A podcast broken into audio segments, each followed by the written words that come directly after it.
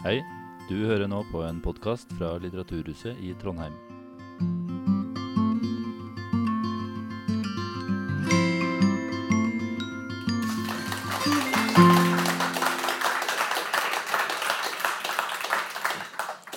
Thank you uh, and welcome. Uh, so, uh, thanks for the introduction, uh, Trond. Um, and uh, well, you're all here to uh, listen to Tobi.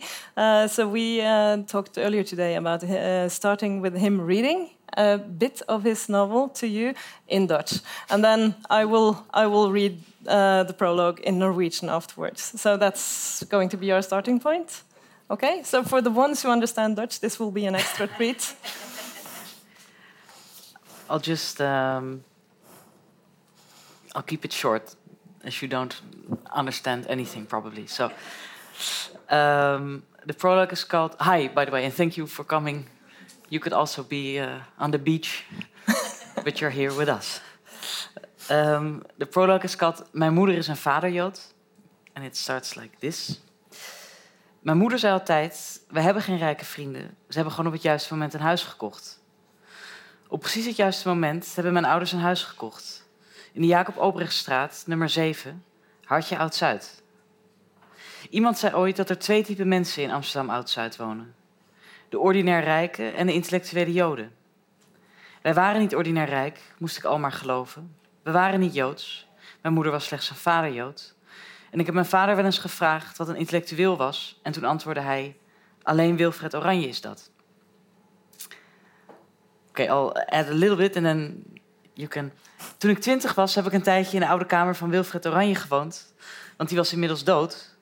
En wanneer ik dan wakker werd, zag ik honderden uitgaven van Sigmund Freud om me heen. Ik heb het daar niet heel lang uitgehouden. Ik wilde ook een intellectueel worden, maar telkens wanneer ik een boek las, viel ik in slaap. Zo gaat het nu eenmaal. Als ik te lang naar het werk staar van mannen die op Sigmund Freud lijken, val ik gewoon in slaap. That's it. Thank you. So I will read the pro prologue in Norwegian, and it's called Mamma er fars jøde.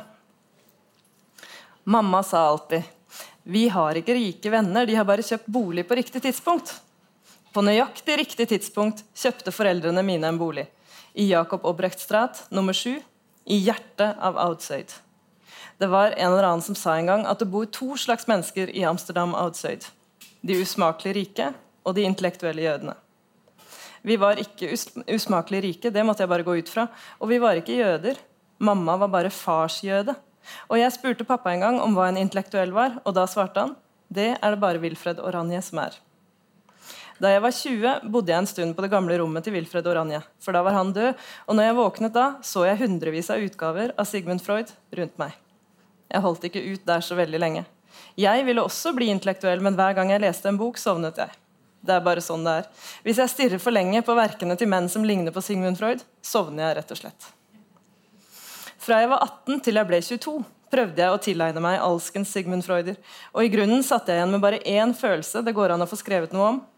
At jeg ikke var Sigmund Freud. Rettere sagt at jeg ikke var noen mann, men en kvinne.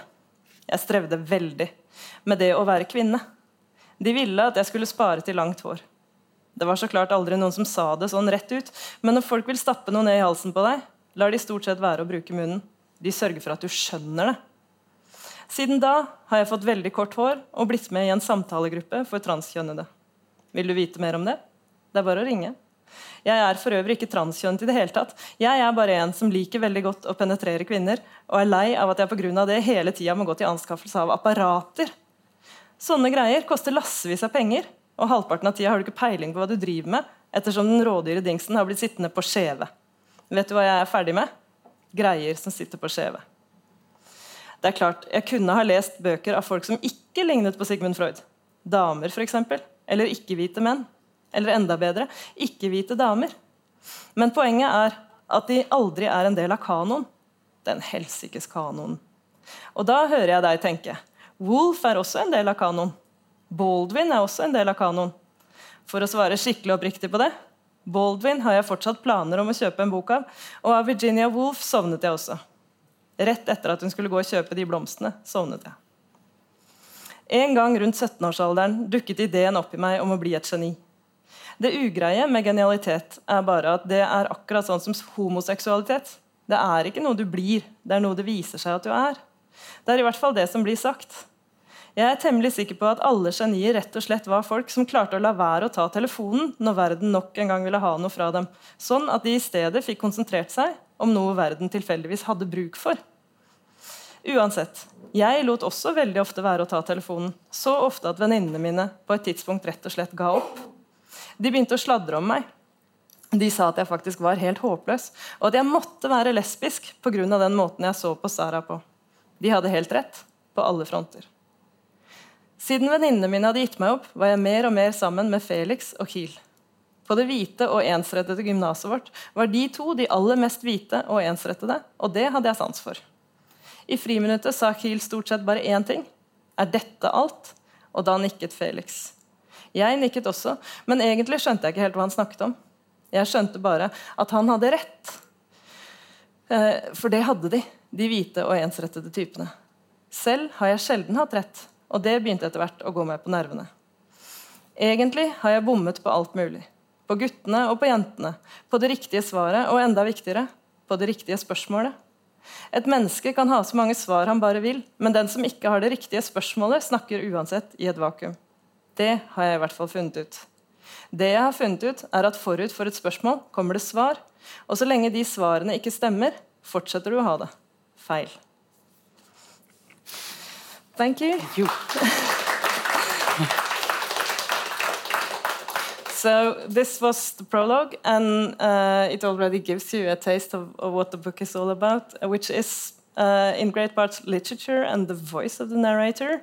And I think maybe we should start uh, talking a bit about the narrator, Sofie, yeah. Uh, who is very young at this stage. Um, do you want to start by telling a bit about how you started writing the book? How I started writing the book? Yeah. Uh, yeah, of course.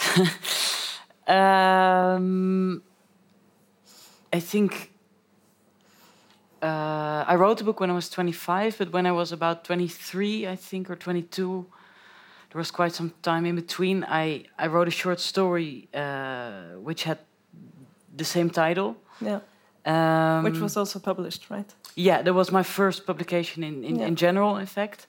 And um, I think this was like the the demo does it is it the English yeah. demo yeah. version of, of, of the, the, the, so me and my editor we always called it the geschiedenis van mijn seksualiteit uh, the, the, XL extra large one uh, so um, yeah it, I think there, there was never a, a, real big plan or big idea I just mm. it started I think with insecurity because I had this chance to write a short story, and they they asked me uh, they asked me to write a story from uh, that was about five thousand words, mm. which was very long for for me at that time. Mm. So I thought, okay, let's just uh, copy and paste some stories about ex-lovers, mm -hmm. And then I will have a story of about five thousand yeah. words, and then happily I managed to not do that and really write uh, somewhat longer story, but it was sort of based on my exes. uh, and then the book was based on a short story, so it, it was yeah. So it's been growing organically. Yeah, yeah. But uh, the um, Sofie's voice in this book mm -hmm. is uh, looking, or she she's talking about looking for something. And, mm -hmm. and the book is also, uh, as you heard in the prologue, uh, very much about being right or wrong, mm-hmm. uh, and have like in, in Norwegian as well as in Dutch, you can have right. Like yeah, yeah. So it, it's something you want to to access or get, and that's her project. Uh, and oh yeah, it's uh, and and I was just wondering if. Uh, how did you decide on, on that voice? Because you're you're um, you're writing her in a certain point in history where she mm -hmm. is still looking because I think one of the most distinct things with the book mm. is Sofie's voice and yeah. her her, uh, her, way of looking at the world. Mm -hmm. And and how did you find that? Because all writers find something in themselves, and, yeah. you had this somewhere, and you you found it, and you made it into literature. Yes. Uh, um, well, I think I I uh, when I wrote the book, I was a bit insecure about what to talk about, but I, I always felt some felt quite secure about the, the tone of voice Mhm. because it was just something. I mean, of course, not. It wasn't the tone I had when I started writing, but I found it. I think Yeah. quite soon. Uh, and and I always thought it was very hard to write a novel, but there are some things that are more easy when you write a novel instead of writing a short short story or something because you have this. It's like. Uh, ja, aan het woord zijn. Like you're you're telling for Yeah. such a long time that you become yeah. more com comfortable while talking. Yeah. So I think in the beginning already I, I had some tone of voice. I find And from what you're saying now, Yeah. it sounds like you've been writing a lot more than what's in the book, right? Or you've been writing things and then you've found out what's working or or where the tone of voice is. yes, Yeah. yeah, yeah. So yeah, I I I um, I don't know. I just wanted to make sure that. Um, I think I also was quite obsessed about attention. I mean, uh, not attention, but like people have such short frames or periods of Yeah, the uh, attention span. able yeah able to focus and Yeah. uh, I think there was also a reason to really try hard to to write the way I talk because I know that Yeah. when I talk people listen so I just have to write like I talk. And it's um yeah, I, it's, I, I because now when I'm gonna talk very weird people think I'm gonna write weird. So I write better than I talk. Okay. I think especially in English. You're talking right well. But um, the yeah, that's that's one of uh, something you also heard when when we read the prologue. that's uh, it's um, there's this voice talking to someone to uh, you, uh, and yeah and you've chosen to. Uh, in in the prologue, it's still it's singular. It's you, yeah. Mhm. Uh, but later in the book, it's uh, plural. So talking to some people yeah um, and it uh, it feels like like like listening in on someone who's telling a story. hmm Yeah, I think it was part of the same idea, idea or, or feeling that I just wanted to Grab catch, grab people. grab them. Yeah, uh, and and yeah, I think a, a text, a novel or some other kind of text, it can has some sort of aggression, but in a good way. That it just Yeah, heads It's- directly towards the one who's reading, and I, I yeah, yeah, the energy. Yeah, yeah, because it's energetic. But um, the book is also it's very funny, uh, and you only get a little taste of that in the prologue. But it's it's funny, Mhm. uh, and it's difficult, I think, to to write funnily. Uh, but your your um, humor is kind of uh, cool and quiet, and sometimes you write really uh, outrageous things Mhm. uh, but in a very uh, calm voice. yes, yeah. Well, I yeah, I found out that I. Uh, I guess that was just the way I dealt with because I think in the years I, it was published two years ago, and in the in the two years that it's now published, I'm. I became really outrageous.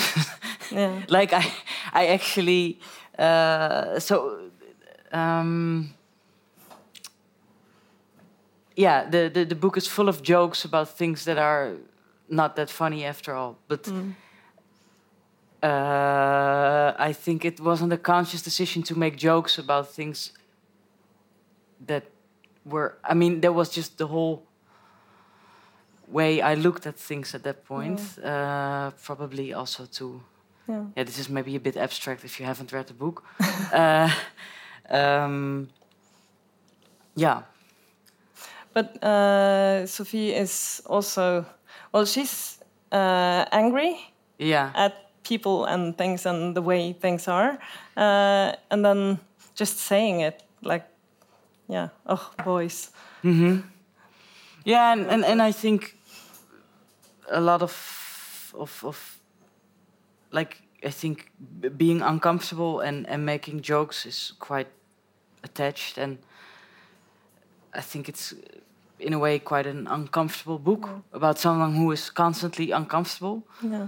uh, and and and yeah, Yes, because it's yeah, it's definitely uh, it's um, uh, confronting because there are really it's really heavy stuff she is dealing with in the book, like both uh, regarding yeah, identity and, and ambitions, but also with the the mother being ill and dying, Mhm. and still it's so funny. Uh, Yes, yeah. Of course, a lot of the decisions you make as a writer aren't very conscious, but no. for example, with talking about Sofie's mother, Yeah. um, I thought, I mean, my mother passed away, and it, it is, I mean, the whole book is based on my whole life. It's it's uh, contains a lot of fiction, but also uh, some reality Yeah. and I um, I think the bigger the events in the book, the the more I needed, um, the more I I uh, felt the necessity to talk about it in detail. So, yeah, this is a bit of a spoiler, but when her mother dies, I I I really felt the need to. Yeah, I mean how it's very hard to talk about life and death in general, and then it's Yeah. kind of tricky uh, not to talk in cliches. Then, so I in, instead of that, I tried to focus just on a few days she was still alive and a few days after she passed away, Yeah. and and yeah, automatically I don't I don't know, but but for me there there's also humor in those details. I mean, also because it's not quite understandable someone Yeah. especially your mother passing away. So then the humor is coming. Yeah. So it's Yeah. it just happens. Yeah, Well, you're right. Yeah, and and also it's uh, probably to do with the view you have, where you you notice these quirky little things, like like uh, the discussion about uh, the advertisement after the mother's passing, hmm and and people are quarreling about the words and the exact words and how to do that, yeah, which is absurd, as if it matters, but it matters a lot. Yeah, or or the hole in your shirt uh, when someone notices a hole in in in a favorite shirt that is it's uh, painful almost yeah, yeah. There was a huge uh, discussion about uh, whether the verb uh, to remember is reflexive or not yeah uh, when they decide to. and i had to Yeah. to uh, cook up something else in norwegian Yeah, because remember, yeah, maybe we have to explain it a bit better. Maybe you can explain it. well yeah because Always good explaining yeah. a joke. Yeah. always a good idea. no, well, but the the situation is, I think people will recognize it. It, it feels well known because uh, someone has died. It's a, it's it's a major event. Uh, and and it's painful, but then you have to take care of all kinds of details, like picking a spot for a grave, uh, and also make an ad for the newspaper, Yeah. and then the closest family um, get into this huge quarrel almost uh, about the exact wording of something because well what's the correct way of saying this? And yeah, yeah. so uh, but i Yeah, think i think people can relate. Hmm so which is also why it's effective. Yeah. i think. But it's uh, i think it's um, uh, you're writing a lot about literature and studying, uh, and also about the concept of uh, the author's death. hmm And I mentioned it earlier that uh, I wanted to just read a small piece. I'll do this in Norwegian um, because uh, uh, the students are uh, learning that the author is dead. Uh, Maybe you can also just from the beginning from. Yeah, I'll I'll do it from here. Yeah, okay. Så det jeg har forsøkt å fortelle i denne delen, er en viss intellektuell historie, men det lyktes ikke. Jeg tror at du alltid må være åpen om det som mislykkes. Det lyktes ikke fordi jeg stadig vekk glir fra det intellektuelle over i det seksuelle. Sånn sett ligner det mer på noe av Sigmund Freud enn forventet. Dere har allerede sett det nå nettopp. Jeg prøver å prate om Wittgenstein, men kommer likevel tilbake til Georgina Verban til slutt. Og sånn er det hver gang. Jeg kan ikke noe for det. Dessuten er jeg innmari overbevist om at en fortelling forteller seg selv, og at forfatteren bare står der ved siden av og er litt gretten. Det var det du lærte på litteraturvitenskap, for også det faget har jeg studert en stund. På litteraturvitenskap lærte du bare én ting forfatteren er død. Strengt tatt stemte det. De forfatterne vi leste, hadde for det meste dødd for evinnelig lenge siden. Det tok en stund før jeg skjønte at de mente det på en annen måte. Vet du hva de mente? De mente at du må se på teksten selv og la forfatterens intensjoner seile sin egen sjø. Innmari krenkende, syns jeg det var. Jeg skal nok finne dere hvis dere lar intensjonene mine seile sin egen sjø. Det kan godt hende jeg er den første virkelig levende forfatteren. Hvis denne boka noen gang blir tema på en kollokviegruppe i litteraturvitenskap, bare ring meg. Da hiver jeg meg på sykkelen, og så avslører jeg hva alle intensjonene mine var.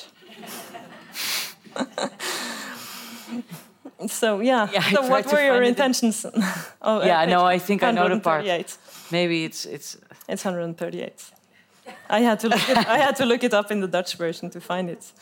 oh yeah. Yeah, I just want to say you also talked about Georgina Verbaan, right? yeah, Yeah. yeah, She yeah. just slided into my DM. So that was the- yeah. Yeah? yeah. it's actually working now. this is an actress in in Holland. Yeah. so it's a, We want a that. late We want that story as well. Yeah, yeah, yeah. Okay, yeah. I, um, okay, I'll tell you later about Georgina Verbaan. Um, but my intentions, yeah. I, I sort of regret that I wrote this because I, I You get got that a, question a lo- lot of messages. Yeah, also uh, uh, from people who are having this literature classes or, or, or book clubs, and they all want me to come. uh, um, and of course, the answer is that I'm become a bit vague when I have to talk about my intentions. Um, but I, I think around my 17th, l- l- around the time I was about 17 when I, I, I, I decided to, I, think, I thought I want to be a writer. And then quite shortly after, I th- also thought, okay, the first book I write has to be. Um, because when I wrote the short story, I got offered a book contract, and then I had several ideas. I think about three ideas for a book, but I I thought the the first book I write has to be the most urgent and most of the time the most urgent one is also the most personal one. Yeah. So I think I, I, I and and then there was this period I worked on my book, and during the time I was working on my book, my mother was sick the whole time, and I, it never occurred to me to uh, also write about that. It may be a bit stupid, but I never thought about it. And then, yeah, I, I suggest, suggested to my editor like maybe I should, but maybe it's a bit uh, of a cliche, a mother with cancer. so, but I, I, I never. But I'm very happy I added this part to it because I think it makes it more, uh, yeah, of a whole. Yeah. Um, but yeah, I never sound very intelligent when I talk about my intentions because I, I think it just I just had this urge to talk about some very personal stuff, but um, I, I- probably it's also good that you don't have too much thoughts about it and just Yeah. write what you Go feel. ahead. Yeah. Yeah. Right. Or uh, do you have specific questions No. about my intention? No, it's uh, no. It was just because I think it's a really fun paragraph. Okay, okay, okay. So you just put me on a spot because of Sorry. no, but Um, it's it's a um, yeah, it's a, it's a nice idea. yeah.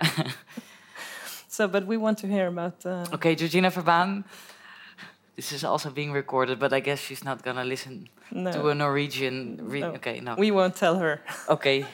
Nor- uh, this is, I think, the sixth, no, no. Like it's a chapter in the second part of the book, and um, it shortly talks about me kissing quite a famous actress in the Netherlands, Georgina Verbaan.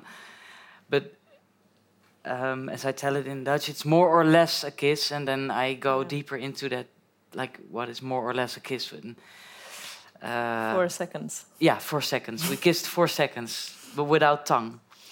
So I think that's the, de- the clear definition of more or less a kiss. uh, and after the book, I never, uh, yeah, I was a bit afraid that she thought of me as some kind of stalker. But then she added me on Instagram, and then I followed her back, and now she's liking all the pictures. so wow. Yay. yeah, I'll tell you. Uh, I'll give you an update. If Kiss and tell. something, yeah. okay, so we're waiting for the next update then on that. But you mentioned the, the composition or the way the book is structured around uh, the illness of Sofie's mother, Mhm. um, which is kind of neat, I think, uh, the way you drop hints earlier in the book about the mother, but it's not that much about the parents at all, really. hmm They're just there. And then uh, at the end of the book, there's only just a very short part left. And then it starts with, and all this time my mother was ill. And I think the the fact that it comes unexpectedly, or you're you're kind of taken aback by it, and then it Mhm. makes it more effective, I think. But was that a conscious choice, or No, not really. Like, like I said, I, I always had this idea of okay, uh, I want to start to to write a story uh, that starts when I or someone I base on myself is about seventeen, and it ends around Hmm. the age of twenty three, because I felt that those were the most yeah turbulent uh, Yeah. turbulent yeah, uh, years. Um, the years with the with the most movement, Yeah. uh, uh, and and uh, so th- th- that's part one and part two, and then I thought, okay, maybe because when my mother died, I I wrote qu- quite a lot about it, and then and also a few parts of that I I, I actually liked, so I thought, okay, maybe I just should give it a try and Mm. add this uh, last chapter Yeah. about uh, her mother. And then, when the book was received and people wrote about it, then they, um, yeah, seemed to think that it was a very conscious decision, and this last chapter just uh, makes it round, but it wasn't No, I didn't think about it that well. It was just yeah, that as well was something that just grew organic. yeah. and yeah, became the book. But I'm I'm yeah, I'm happy I did it. But it was kind of intuitive. Yeah. So, yeah. But uh, I think you're uh, you're writing uh, about the parents and, and Sofie's relationship, especially to the mother, or the father as well, with a lot of warmth. But still, in the end, when uh, you write about uh, talking to them about like gender identity and Mhm. how they never brought it up or didn't talk about it, and that sounds painful, but it's kind of glossed over or just Mhm. it's not uh, expanded upon. But Yeah. Um, yeah. What, what, yeah. I think Sofie's not very reliable narrator in, No. in the sense that, uh, especially in the end, a lot of stuff is mentioned or, or happens and no, stuff that is very uh, painful. Hmm. but um, I think in the end it's a it's a book about yeah someone who's who's moving around the parts that are very vul- vul- vulnerable or Mm. painful yeah, uh, but uh, she focuses on random details not to Yeah. feel this pain um, so yes in the end it's it's it's it's also about her mother dying and also mm, uh, the fact that her mother wasn't really able to react in a proper way to to these gender issues that were. I mean, I think her mother just misses out on a lot of things just Yeah. because she passes away, but also this uh, feeling about her gender. Yeah, Sofie talks about like she she talks with her mother on the phone for the last time, and her mother calls her meisje, which is like girl or s- sweet girl in, Yeah. in Dutch, and then Sofie mentions that like this is uh, absolutely not how I feel, but I think this is not the moment I will bring it up. No. Um, yeah, I but I but I think the, the last chapter, the chapter that focuses on her mother dying, is also a chapter that is about the inability. Yeah, there's this growing distance between her and her mother because her Yeah. mother is passing away. So And also, uh, like dying means not getting to to grow together with someone anymore. It's so, Mhm. so you're missing out on the things that happen, and yeah. But uh, we also uh, have to talk about uh, the catcher in the rye a little. yeah, Because- but I maybe yeah. first I had a question for you because Yeah. maybe you're interviewing me now, but I can also uh, do it's a talk between us. So, but I, I was wondering how it was to to like you said it the, the, the style is kind of uh, like Sofie is talking to you, Yeah.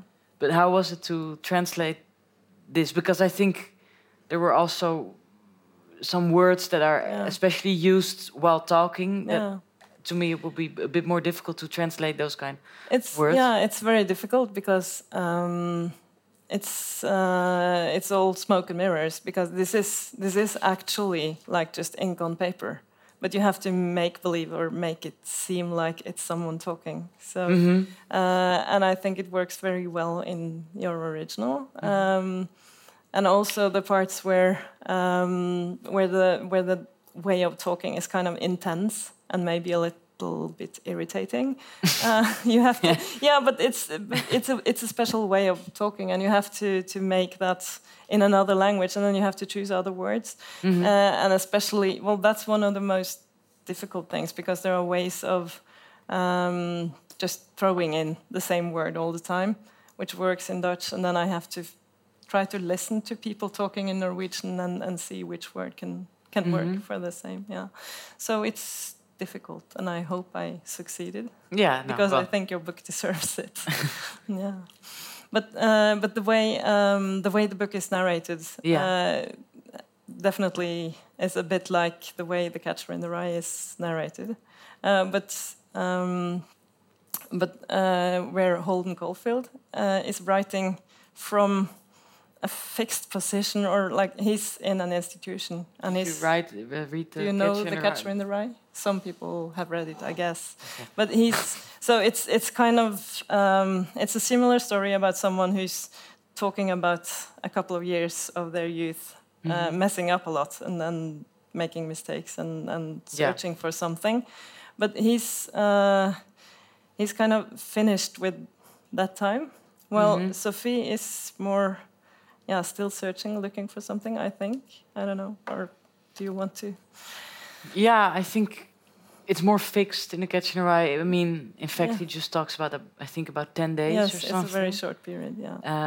Um, and in um, my book, um, there's also like halfway uh, through the book, there's this paragraph about uh, chronology Yeah. uh, and the fact that, or she makes a joke like, um, you probably don't know any, uh, you don't know anymore where we are in the book, and me neither. And no. there's there's some a bit more chaos. Yeah. Um, yes, I I think regarding my second book, I, I would like to have a bit less chaos, but Mhm. um, but but yeah, I, I hope it, it, it works. I mean, I think there's some uh, congruency, Yeah. uh, correspondence between the chaos in her head and the chaos that is reflected in the in, in the book. Yeah. So Yeah. yeah, Yeah, but it's. Uh, I think it has it has the effect that it it makes it makes the reader care a lot for Sofie because she's searching at, at the same time as she's um, uh, yeah talking down everyone and everything. Mhm. so it's uh, yeah. But your next book uh, is about football, no? Uh, yeah, so I, I have said that in interviews just because you have to Some you have to give some something. answer in Yeah, interviews. But um, in fact, I'm not that sure. I mean, I, I like I said, I had a few ideas Yeah. from my first novel, and one of them was focused on football. Because I, yeah, as a child, I really wanted to become a professional football player. Um, okay, this made me think about. I don't know, Elina Arbo, is she well known in, in Norway? Elina. Eline Arbo? Okay. Okay, she, she's from Norway. Ah, Uh, you should know her. so Um, sorry. uh, no, I had to thought, think about football, and then I, she's this this well known in Amsterdam. She's not in in the Netherlands. She's well known. She's a uh, theater director from for the for ITA, so uh, oh, okay. the, yeah. the the most well known theater company in the Netherlands. And I saw her, but I think I insulted her because she wanted to talk about literature and theater, and I was only interested in the way you pronounced Haaland. Uh, so it was my Haaland. Haaland. Yeah, Holland, yeah, yeah. uh, So when I was little, I wanted to become as good as Haaland, Holland, Haaland. but I wasn't. Um, but I have, yeah, till I was about sixteen. Uh, th- th- this was my reality, just Football. playing football, and and I, I really, I I already wrote some stuff about football, and I would really love to write a novel one one day about about football because I think it's also rare, uh, good literature about sports. But uh, to be honest, uh, like I already said, I, I I I thought okay, my first book has to be this urgent personal story Yeah. but I'm sort of afraid that my second book is also becoming a personal, urgent story, which is really annoying because the interviews about personal stories are also very personal and yeah, uh, you become crazy after a while. But I, I think, um, yeah, uh, yeah, football won't be the, the, the next one. Maybe in a few years. Yeah, In a few weeks, but there is quite a lot of football in this book as well. yeah already, yeah. Yeah. And the Norwegian cover has a football field on it. also talks about Matthijs de Ligt, the Dutch defender, who is like he he, he kept Holland uh, under control, like uh, in his pocket. Like you have this same. Hij had Haaland in zijn broekzak. It means like he had Haaland in his. Yeah. In his pocket. Yeah. Yeah. Maybe you don't want to talk about Haaland anymore. but, uh, I, But um, but I think um, uh, the way uh, Sofie uh, looks at the world and at herself uh, through uh, through this book is really um, um, making people uh, understand something about the world. I think, uh, and uh, if literature can generate empathy, uh, I think that's something really beautiful. yeah. Um, and I think it really, uh, I think the world is better with this book in it, actually. well, so yeah, that Thank was you. my uh, tiny fangirl. but is there? I, yeah. Hmm, no, sorry. No. Uh, no, no. Maybe you, you should ask your question and then. No, well, my question was more: uh, Is there anything you want to talk about or that you would like to say? Um, no, well, regarding the, the thing you just said, I I never consciously wrote a queer story, but of course it was. Yeah. It's, it's. I mean, in a sense, it's it's queer, and um, yeah, I think I was. Um, I find it important that it was true to what some people feel or, or experience their whole life, but I also wanted to make it a story that is also accessible for people who don't experience Yeah. uh, those kind of things.